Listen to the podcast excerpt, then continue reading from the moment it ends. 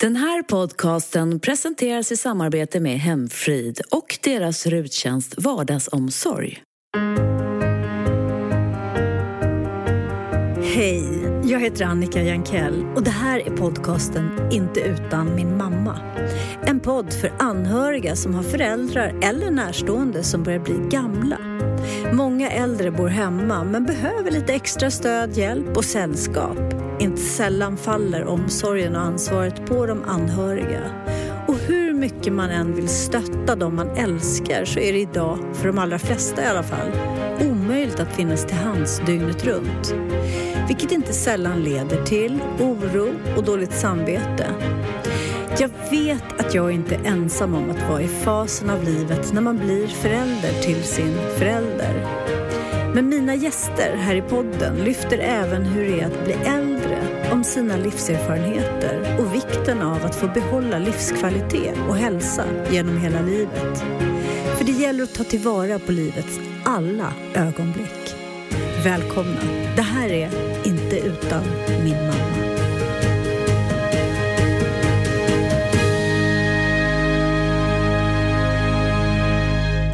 Ännu en gång varmt välkomna. Och innan vi drar igång så vill jag passa på att tacka för all fantastisk poddrespons.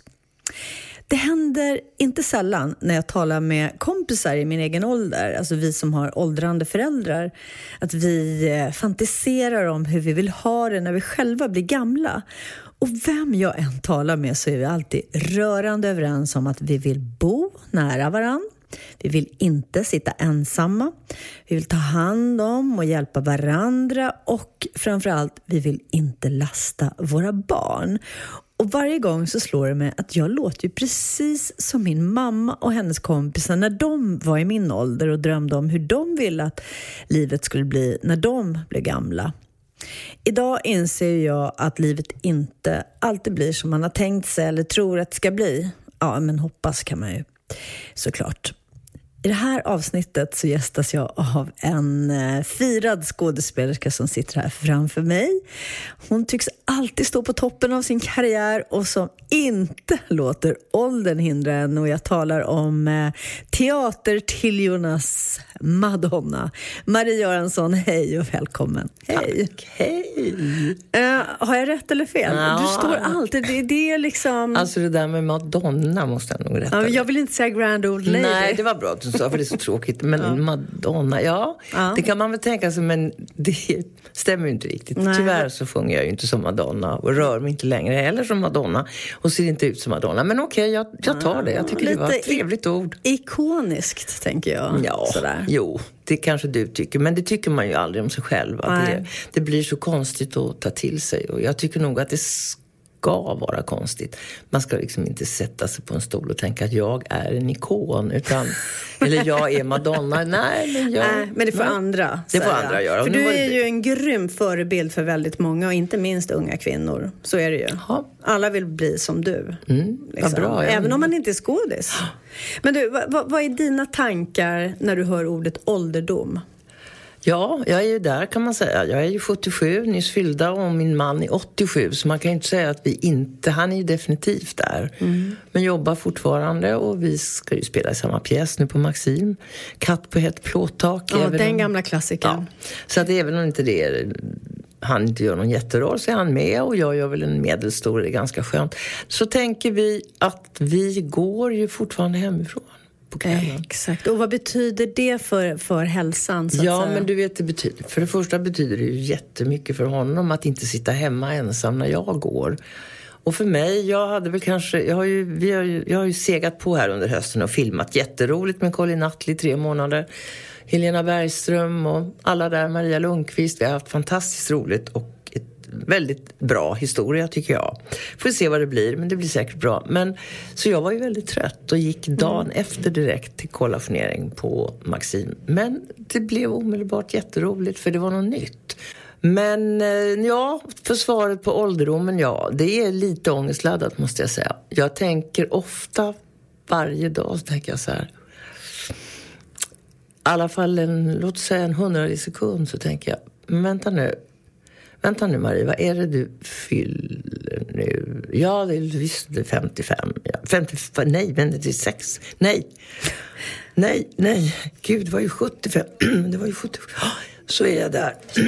Förlåt, men jag blev så nervös när jag tänker på åldern. Men i alla fall. Det är hisnande va. Du vet, 20 år tillbaks. Det är ingenting. Därför att det, det var som igår. 20 år fram, det är ett skräckscenario. Därför att jag vill inte sluta leva. Exakt. Så att jag känner att... Eh, jag vill inte säga att jag har dödsskräck, men jag tycker att det har gått alldeles för fort alltså. Och alldeles för lite har jag hunnit med. Jag har hunnit med mycket i mitt jobb kanske, men jag tycker inte jag har hunnit med tillräckligt mycket med min familj, mina vänner, livet runt det, resa mer, få njuta lite mer av det goda i livet. Det är fantastiskt att jobba, men det är ju inte allt. Va? Så att, men då, då tänker jag, eh, Marie, eftersom du är så mycket yrkeskvinna fortfarande och när jag hör dig, då, då undrar jag om inte det är just det att, vad ska man säga, det är äkta livslust. Alltså det här att tiden inte räcker till, att du har helt enkelt inte tid att bli gammal. Då undrar jag, har du ens hunnit tänka eller få en bild av dig själv eh, av den så kallade, eller ideala ålderdomen? Jag tänkte mig ju en ålderdom där jag skulle resa mycket och göra saker och sitta på Tössebageriet där på Karlavägen och äta bakelser och mm. inte vara rädd för att bli tjock. Eller inte vara, ja precis. Ja, men, fattar, men, nu plötsligt så är det liksom nästan för sent. Va? Jag, mm. Jag är ju beyond that för länge sedan. Jag skulle men, ha suttit där i tio år nu och ätit bakelser. Ja, men du är så himla pigg. Du kanske sitter där när du är 90 på Tösse ja, istället. om du lovar mig inte... det så ska jag göra det. Men, så att jag tycker nog att det är... Alltså den där njutningen av att bli gammal, den, den, den har ju inte infunnit sig. Va? Utan jag jobbar ju på ja. i ren skräck, tror jag. Du jobbar ihop. Men, men, jag, men jag tänker så här, hur, hur var det för dig när du minns att dina föräldrar blev äldre? Vad har du för, liksom, vad har du för relation? Vi, vi, vi, jag tänker nu på, på mm, just det här att många idag anhöriga får liksom ta hand om. Det är som ett mm. som någon slags samhällskontrakt. Som, ja, jag behövde ju aldrig det dessvärre, för pappa dog ju väl, han var 65 och han dog. Och mamma tog ju hand om sig själv och dog knallfall när hon var 80. Så att mm. vi, mina syskon och jag, vi har ju aldrig behövt det. Eller det blev aldrig så. Mm. Utan hon klarade sig själv och, och han dog ju eh, väldigt tidigt. Så att eh, den biten har jag aldrig upplevt. Utan nu, nu får jag ta hand om min man helt enkelt. Jag behöver inte ta hand om honom men jag måste finnas där mm. och tänka varje dag på, för jag kör ju med folk och jag säger skynda dig på nu, handlar det, kan du sticka ner och jag, då säger men du, jag är 87. Så, oh.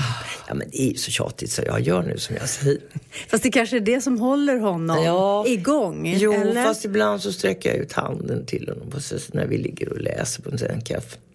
Stackars människa, han skulle ju ha någon betydligt lugnare person bredvid sig just nu på ålderns höst. Men samtidigt så kanske det är bra att han inte har det. Ja. Så att, eh, det är något väldigt vackert med en människa som är så gammal och har gjort så mycket och roat så många. Och ändå fortfarande ställer upp på något ja. sätt på att vara med va, i leken. Det tycker jag är väldigt vackert. Alltså. Ja, men det är så vackert och jag håller med om om man, eller håller med om, men jag tror, när jag tänker på det, så tänker jag just det där, för man hör många människor som identifierar mm. sig med sitt yrke och så slutar man jobba och att liksom det där att ha ett sammanhang.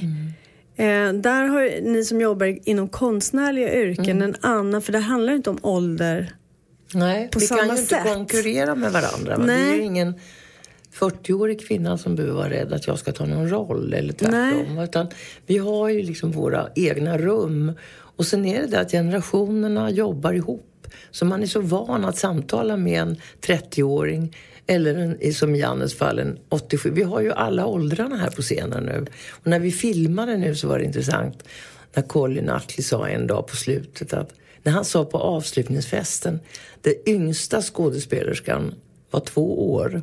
En fantastisk liten tjej.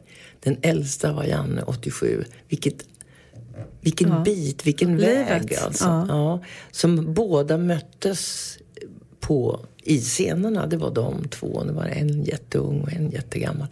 Så att det är fantastiskt med vårt jobb att det är så. Sen är det ju inte så för alla heller för man kan ju tappa minnet som man inte får vara med om. Nej, och det enkelt. tänker jag. För att man talar ju liksom, man behöver inte ha en demenssjukdom för att så här, bli lite snurrig eller lite glömsk.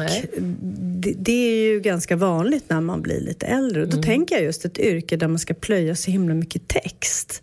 Ja, fast man får ju minska ner det.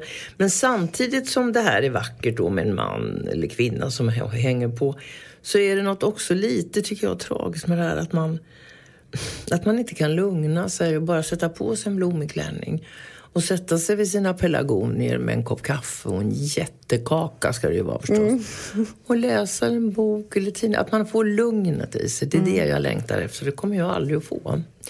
Förmodligen. Och inte han heller. Utan ålderdomen är för oss, ser likadan ut mm. som det andra livet. Bara med den skillnaden att rollerna är inte är lika stora och omfattande. Va? Men man vill vara med på det här tåget och mm. det kan ibland faktiskt skrämma mig lite. Att man inte bara stannar och säger gå av. Mm. Gå av nu. Mm. Medans du kan resa kanske, göra något. Jag får ju alltid säga nej tyvärr, tack det går inte. Jag, jag är upptagen då. Men det är ju mitt eget fel. Jag ja, vill du, ju. Jag vet att du, i din självbiografi, du skrev att det är på liv och död. Ja apropå det vi pratar om, mm. ditt yrke. Mm. Men det är, det är också två sidor av myntet. Å ena sidan lyckan att, som i ditt fall, ha ett stimulerande yrke med kollegor och sammanhang. Och, och då parallellt med, med den här längtan efter den härliga ålderdomen med frihet att kunna göra vad man vill. Eller, eller äta goda kakor utan att be om ursäkt. Och ja, men umgås med släkt och vänner och sånt. Och det tror jag är många som förknippar med en underbar ålderdom. Men sen den andra sidan då, tänker jag på alla så svarta rubriker om nedskärningar i äldrevården, ensamhet, ökad psykisk ohälsa eller utbränd hemtjänstpersonal som springer med så nyckelknippor som skramlar och tidtagare ur för att hinna hem till så många som möjligt på så kort tid som möjligt. Men tänker, du Marie, du har ju perspektiv. Vad säger du? Var, var samhället bättre bättre på att ta hand om de äldre förr? Ja, det tror jag. För det fanns ju mera tid och mer personal. Och det, har, det är väl en kostnadsfråga hur mycket man satsar på, på äldrevård skolan, sjukvård och så vidare. Mm. Men det är väldigt svårt för mig att säga för jag vet inte riktigt. Jag tror att media är duktiga på att hugga in också va? och skriva och svartmåla. Sen hör man ju väldigt många som man känner som är, har anhöriga på olika, som är oerhört nöjda. Mm. Och, och, även med sjukvård, med allting. Så att jag är inte så jäkla säker på att det där stämmer alla gånger. Men det är klart att man saknar kanske de gamla ålderdomshemmen där folk togs in och var friska något sådär och bodde och var tillsammans. Det togs ju bort. Mm. Och jag vet inte vad man har. Ja, det är väl äldreboendet man har istället. Kanske det där är så svårt att få, få platser. Ja. Men vad som är värst tycker jag, det är de ensamma människorna. Mm. Som skickas hem efter en operation. Janne gjorde en operation han bröt nacken. De skulle skicka hem honom dagen efter. Och då sa jag, nej, så det ska ni inte. Ja, men du är ju hemma. Nej, jag spelar. Ja, jag spelar mm. fredag, lördag, söndag. Han kan inte vara ensam. Finns ingen möjlighet. Ja, men det, går, det är, då får du ringa till... Eh, det är inte vi som har hand om det. skiter jag i, så Han ska vara kvar. För att han har levt ett helt liv och betalat skatt. Han är över 80 år. Han ska inte hem, så jag. På måndag är jag ledig. Då kan jag ta emot honom. Jag kommer upp på sjukhuset och går med honom i korridoren. Han skulle ju träna. Eh, det kan jag göra, så jag kan gå i flera timmar. Men hemma får han inte vara på kvällen ensam. Hon var alldeles stum. Till slut så sa hon, jag får be läkaren ringa upp. Jag gör det, så jag. Men kom ihåg att han ska inte hem. Han kom inte hem, han fick stanna. Det var nästan ingen personal, men han var på sjukhuset. Då. Och jag gick upp, så tänkte jag direkt, tänk de som inte har någon sån här. Ett rivjärn som... Som säger bara, han ska inte hem. Va? Mm. Därför att han hade slagit ihjäl sig om, mm. om han hade suttit ensam. Men massor med människor. Det var ju en dam de som skickades hem. Hon hade ju inte någon, utan grannfrun kommer ut i trappan och ser henne ta sig upp ensam in i lägenheten. Då lämnar man över ansvaret. Det är det jag tror man har gjort för mycket. Resurser, det är ju vi. Vi är ju resurser, har ju varit för våra föräldrar. Mm. Vi är resurser för våra barn och mm. barnbarn. Mm. Man räknar iskallt med att det finns människor som tar hand Jo, men det har gjorts undersökningar att, att samhället tjänar miljarder på att anhöriga, framförallt kvinnor, gissa hur många av de anhöriga så att säga som vårdar en närstående. Hur många är kvinnor, hur många är män? Ja, det... Av tio stycken. Av tio stycken? Ja. Eh, jag skulle tippa att det ligger på nio kvinnor och en man. Nej, nu, nu är det nere på sju av tio. Mm. Ja. Men, men det är ändå siffror som på något sätt... Eh, den klassiska kvinnofällan som ja. man alltid har, har liksom talat om. Men trots eh, att många anhöriga gör ett enormt jobb och går ner i arbetstid för att klara av att finnas där och så vidare. Men jag, jag tänker på det du berättar om när din man, alltså när Janne skulle skickas hem från sjukhuset och hur du fick stå på dig för att de inte skulle skicka hem honom i förtid. Det där påminner mig lite om hur jag kände när jag var tvungen att liksom bevisa för den ena biståndshandläggaren efter den andra att det var fullkomligt ohållbart att min mamma kunde bo kvar hemma längre. Eh, alltså trots att hon var diagnostiserad med Alzheimers. Men, men, men till slut blev hon ju beviljad då. Men jag tänker på att och jag vet att jag inte är den enda anhöriga som har drabbats av enormt dåligt samvete över det där beslutet så här, att flytta min egen mamma. Jo, men det gör ni ju därför att man känner att de skulle inte klara att vara ensamma. Alternativet är ju som förr, att man bodde ihop mm. med gamla människor. Det har jag upplevt med min mormor och morfar Jaha. som bodde med min morfars mamma. Och även med min farmor och farfar bodde, hade hennes, hans mamma boende tills de var över 90. Och det var ju ett annat samhälle. Man ja. bodde på landet, man hade lite större möjligheter och det var inte så krävande på samma sätt. Va? Och man levde enklare. Jag upplevde det på båda håll faktiskt. Och det minns jag bara som... Vi var ju där som små och jag kommer bara ihåg att jag tyckte att det var så kul med de där gamla tanterna. Det var två sega damer. Mm. Men det är ju inte tänkbart idag riktigt. Alltså, vi har inte de lägenheterna, man bor inte så stort, man jobbar länge. Man har ingen möjlighet. Alltså, samhället ser helt annorlunda ut. Och det är där, när du säger det här, när du målar upp den bilden, jag ser precis mm. eh, vad, vad du, jag får upp det på näthinnan och, och så tänker jag så här, ja, men det är så någonstans, det är därför man har dåligt samvete, för att man inte kan erbjuda ja, det. För det man tänker, vad är jag för människa som har det är liksom payback time kan mm. jag känna å ena mm. sidan. Att min mamma borde ju bo hemma hos mig. Mm. Sen har man liksom trappor och man är inte hemma och man liksom... Nej, då är det samma sak igen. Du jobbar för mycket för att också kunna klara ja, det. Va? Så det är få som... som ja. eller det, vi har ju inte det systemet nej, längre. Nej, men det är ett, det är ett kallare samhälle. Det är en kallare värld. Va? Vi, vi lever längre. Mm. Vi lever ju väldigt, väldigt länge.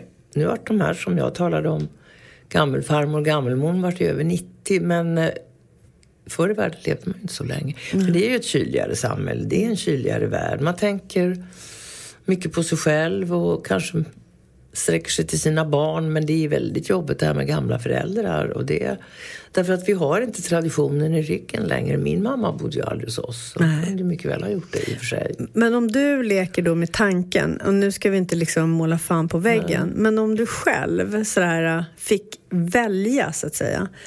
Eh, skulle du vilja att dina vuxna barn tog hand om dig eller skulle du hellre vilja bo på, om din livssituation var en mm. annan? Eh, att du bodde på ett omsorgsboende? Jag skulle ju absolut välja omsorgsboende. Jag skulle ju aldrig vilja uh, att mina barn skulle... Det skulle jag ta upp enormt mycket av deras tid och det, det tycker inte jag skulle kännas bra. Sen är det klart att om man är så bara dement så att man inte riktigt har koll på det. Men jag tycker ändå inte att det är i dagsläget en bra lösning. För de har sina liv och sina barn och får barnbarn. Alltså det är inte riktigt vi lever inte riktigt så, så att vi ska kunna ta hand om allt det. Va? Mm. Det är fullt upp när man blir mormor och farmor. Och man ska ställa upp på den biten och gör det väldigt gärna följer de här små. Men att sen också ha ansvaret för sina föräldrar, det är tungt alltså. Det tror jag. Och det är där fällan är. Ja. För idag är det ju så himla många som hamnar där eftersom ja. föräldrarna som då borde vara på omsorgsboende, de får inte plats. Eh, så att man har inget val. Liksom. Nej, och då, spring, folk springer benen av sig. Mm, och, och, blir utbrända och liksom, så det blir en ond cirkel lite ja, grann. Och kanske det... det är några syskon som bor utomlands och någon blir ensam om hela ansvaret. Mm. Eller någon tar hela ansvaret, ofta är det ju så. Så att det är ju en... Eh, nej men jag tror att den lösning vi har är bra. Det är bara att folk får vänta för länge va? och, och eh, jag tycker att ensamheten är värre. Mm. Att sitta ensam i en lägenhet någonstans, nej, hellre bo på ett boende då. Även om jag inte skulle vara dement utan gammal bara och svårt mm. att klara mig. Så kan jag se en väldig poäng i det där att vara tillsammans med andra människor. Och ha sitt eget lilla rum som man går in till. Men gå ut och äta tillsammans. Spela kort, musik ja, nej, men överhuvudtaget gemenskapen tror jag är jätteviktig. Ja, och jag tror att skulle vi gå ut och göra en enkätundersökning mm. och fråga människor så tror jag att alla, det är det som är så mm. hemskt, att alla är livrädda för ensamheten mm. och alla ser sig själva den dagen man är i den, mm. liksom, man är där att då skulle man helst vilja vara omgiven av människor, mm. har sitt lilla kryp in men att man lagar mat ihop mm. och att man liksom på något sätt ja, hade gemenskap. För det är väl vår stora folksjukdom ja, tror jag också. Är. Man är liksom inte flashig längre va? Utan, och det går ju väldigt fort tror jag. Man mm. kommer upp till en viss ålder och man är fortfarande aktuell och aktiv och folk tycker det är kul och man gör så plötsligt bara, det kanske går bara några dagar mm. eller en månad. Så är man inte med längre. Och ingen frågar efter den, ingen ringer. Eh, det där har man ju hört massor med människor i alla yrken som pratar ja. om. Ingen som ringer till mig längre, ingen frågar mig. Men, men hur ska man då bryta så här ensamhet och isolering? För det är klart att ingen människa vill ju ha en telefon som aldrig ringer. Och, och apropå det här du säger med olika yrken, då tänker jag på just där i dagens samhälle så är vi ju så identifierade med vad vi gör, kanske mer än vilka vi är. Och, och då är det ju klart att det blir ju tomt när man stämplar ut från jobbet för gott. Kan jag bli vansinnig. För det finns en enorm kunskapsbank bland de som gamla, vad som helst. Jag menar lärare, sjuksköterskor, skådespelare, ingenjör, allt, tänk, allt du tänka kan. Va? Mm. Som sitter inne med en enorm kunskap som man aldrig frågar. Nej, och det där håller jag med mm. dig om till hundra procent. De, de finns inte och de, de, de, kan ju hur mycket som mm. helst. Ja, vi satt och tittade en gång. Eh, tittade en gång, som vi aldrig tittar på TV. Men det var en gång som vi tittade gemensamt på... Det var något sånt här kvällsgod kväll-program. Det är många, många år sedan. Mm. Och då sa han att nu ska vi få träffa en gammal... Eh, hon var inte kokerska, utan hon var mm, kalvskänka eh, som ska visa oss hur man gör små sandwiches. Både Janne och jag stannade liksom upp och satte oss ner. Och in kom en ganska stabil dam med, med svinrygg och blusen knäppt ända upp i halsen. Och sen och kjol såg väldigt mycket snygg och proper ut. Och så talade med myndig stämma. Och så började hon berätta. Och vi satt med öppna munnar därför att det var en yrkeskunskap som var helt häpnadsväckande. Hon skar upp de här smörgåsarna och så gjorde hon fyra, fem olika små sandwich som man åt för på restaurang som låg på tallrik och så kanske man hade en öl och snaps eller ett glas vin. Och det var, det var inte två sådana här tomatskivor som låg på varann eller två sparrisar utan det här var riktiga sandwich. Va? Och hon hade en kunskap, hon var över 80 år, hon hade varit kallskänka på ett stadshotell.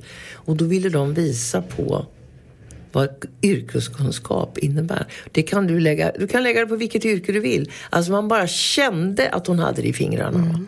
Mm. Och det är det som man inte tar tillvara på tycker jag. Man bjuder inte in någon gammal fantastisk lärare.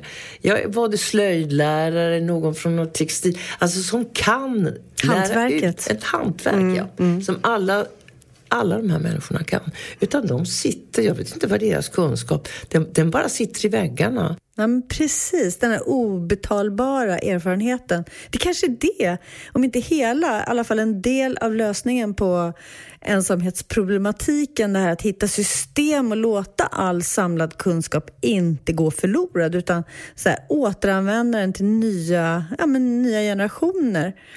Men du, Marie, vad, vad, vad, finns det något mer man kan göra för att bryta det här stora samhällsproblemet med, med ensamheten? Det finns ju, jag menar, det finns ju varje stadsdel så finns det ju cirklar och det finns kyrkan, det finns många. Att man fångar upp människor mycket mer. Man kan inte räkna med att alla ska frivilligt ta luren och ringa eller komma. Utan att man ser till att man får tag i människor. Och säger då en person, Elna, 89 att jag har det bra. Jag har mina barn och jag är inte så intresserad. Jag har mina böcker. Då är det ju bra. Men man, jag tror man skulle kunna fånga upp folk. Hitta ett system för ja, att fånga upp. Så att de inte sitter där. Och speciellt om man har människor som kommer och underhåller och sjunger och spelar och så vidare. Att man lockar ut de här människorna mycket, mycket mer. Många är säkert väldigt rädda till exempel att göra det. Jag vet inte hur man skulle gå tillväga men nog finns det väl lite fantasi hos de här som har hand om det. Jag vet inte vad det heter ens en gång, men det måste väl finnas i kommunerna. Socialförvaltningen? Ja, till exempel. Att äldreomsorgen? Man, äldreomsorgen, som mm. de vet ju vad människor heter. De vet hur gamla vi är, de vet var vi bor. Och de kanske också kan titta lite grann på hur ser familjebilden ut för de här människorna. För det är ju hemskt när man läser om den här ensamheten. Folk som har legat döda i månader. Alltså det är obegripligt. Va? Men eh, man ska inte svartmåla för jag tror inte att det är jag tror inte att det är väldigt många. Jag tror att man försöker att fånga upp också i ett hus. Och, så att det, ja, jag vet inte. Jag hoppas att inte problemet är jättestort. För det vore hemskt om det var det. Men jag vet inte riktigt. Vi slutar lite muntrare då. Då får du ge dina tips eftersom du alltid beskrivs som en person som är helt tidlös och ålderslös. Vad, vad, är, det du, vad är det du gör? Vad jag gör? För att hålla dig så liksom Piggelin. Förutom att du jobbar, det har vi konstaterat. Ja, det är bra. Nej, men jag, jag kanske att jag att jag föddes med en väldig ilska i mig. Alltså, uh, som kanske inte alltid var så rolig eller är så rolig för folk. Men det vänder jag på och kallar det för engagemang. För mm. att jag tror att bakom varje uh, egenskap så finns det dels något negativt men det finns också något positivt. Någon säger gud, hon är så jävla Ja, men vad är det som är så bra med det? Jo, därför att man bryr sig. Va? Det är att man bryr sig om, man engagerar sig, man tänder till och sen är jag ju då har jag min käpphäst och det är att folk är alldeles för rädda för att säga ifrån. Mm. Det finns en feghet, en rädsla för att bara glida undan, inte ta ansvar. Konflikträdsla? Ja, och att man inte går in när man ser att människor mår dåligt. Mobbing till exempel finns ju på arbetsplatser i skolor. Då ska man gå in direkt. Man ska inte vänta, man ska inte gå till någon chef. Man ska bara, bara gå rakt in och säga, vad gör du? Vad menar du? Varför säger du så till henne? Säger du så till henne bara för att hon pratar skånska eller vad då? Det blir ju folk, ja men, ja men vad bra att du inte gör det, men gör inte så mer då. Därför att det är inget bra, va? det är inte okej okay att du gör så. Det är så tycker jag att folk ska reagera mycket, mycket, mycket mer. Men det är oftast det här att man är, jag tror att man är rädd för att man ska bli obekväm. Man ska inte bli befordrad, man vill inte lägga sig i. Det är precis det man ska göra. Man ska lägga sig i hela tiden. Va? Varje dag från morgon till kväll. Så fort du ser att någon mår dåligt eller beter sig, man behöver inte skrika och bli arg, man kan bara säga varför gör du så? Mm. Nej men jag jo det har du. Jag ser att du gör så. Och det är ett sätt att hålla sig ung på. Va? Och skapa respekt för sin person. Och jag tror att alla människor, barn och vuxna och gamla, får respekt om de bryr sig va? om någon annan människa det finns för lite av det tycker jag. Det, det, är det, det, är det värsta med det svenska samhället. Det är att folk är så jävla fega. Va? Bra, nu eldar vi upp oss här. Ja. ja. Ja, men det, du har nog rätt. Och det är rädslan att bli bortvald eller rädslan att sticka ut, förmodligen. Ja, att lägga sig i. Va? Men jag tror ingen går emot det egentligen. Därför att Ja, du kanske förlorar en och annan på vägen men du vinner ju många, många, många fler va, mm. om du gör det. Mm. Och att man lär barnen, sina barn. Och de här små, när man blir mormor och farmor är det enklare för då har man lite distans. Och säga till dem, engagera dig. Så fort du ser någonting, säg till. Så min, eller vår lilla Love, han är ju 13 nu, men han har ju varit sån här elevråd sedan han var sju. Han har gått mobbingkurs, det tycker jag är så bra. Jag vet inte vad man gör, man lär, dem att, man lär sig att gå och se på skolgården vilka som alla kanske råkar ut för det förr ja. eller senare.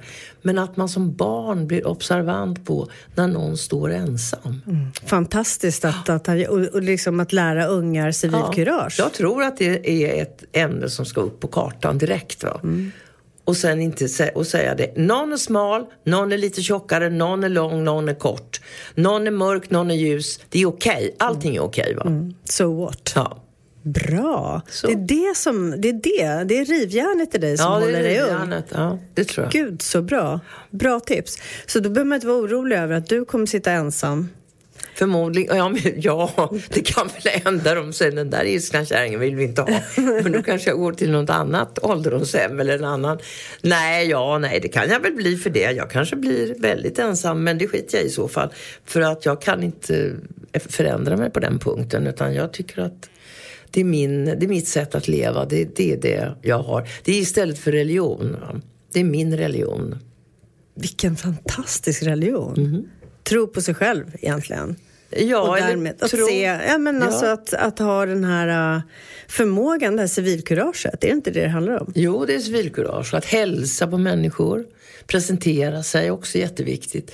Att man går fram till någon och säger Hej, jag heter Marie, vad heter du? Jag heter så. Man jobbar i ett jobbsammanhang. Att man inte bara struntar i halva teamet, va? eller jobb. Och sen utan bara ser till att alla känner sig sedda. Va? Och sen kan man börja jobba.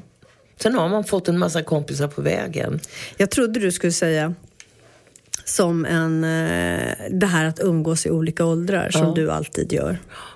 Att det också höll dig Ja, det, det, det, det kan man väl säga också att det gör väldigt mycket. För det är en stor fördel att, att få jobba med de unga. Det är ju väldigt livgivande. Och barn naturligtvis och så. Men ja, det går ihop. Jag ser liksom ingen skillnad egentligen i mitt eget liv utan det, det kanske är det också. Jag hade tänkt så, men det är det nog. Marie, fantastiskt att du kunde vara med här idag. Tack. Underbart. Marie Göransson. Ja, tack.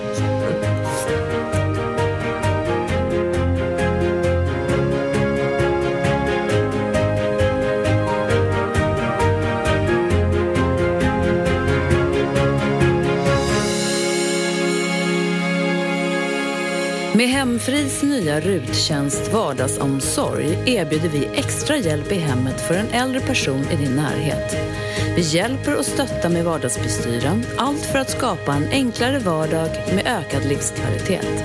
Gå in på hemfrid.se så får du veta mer. Podcasten Inte utan min mamma produceras av Vakai Media.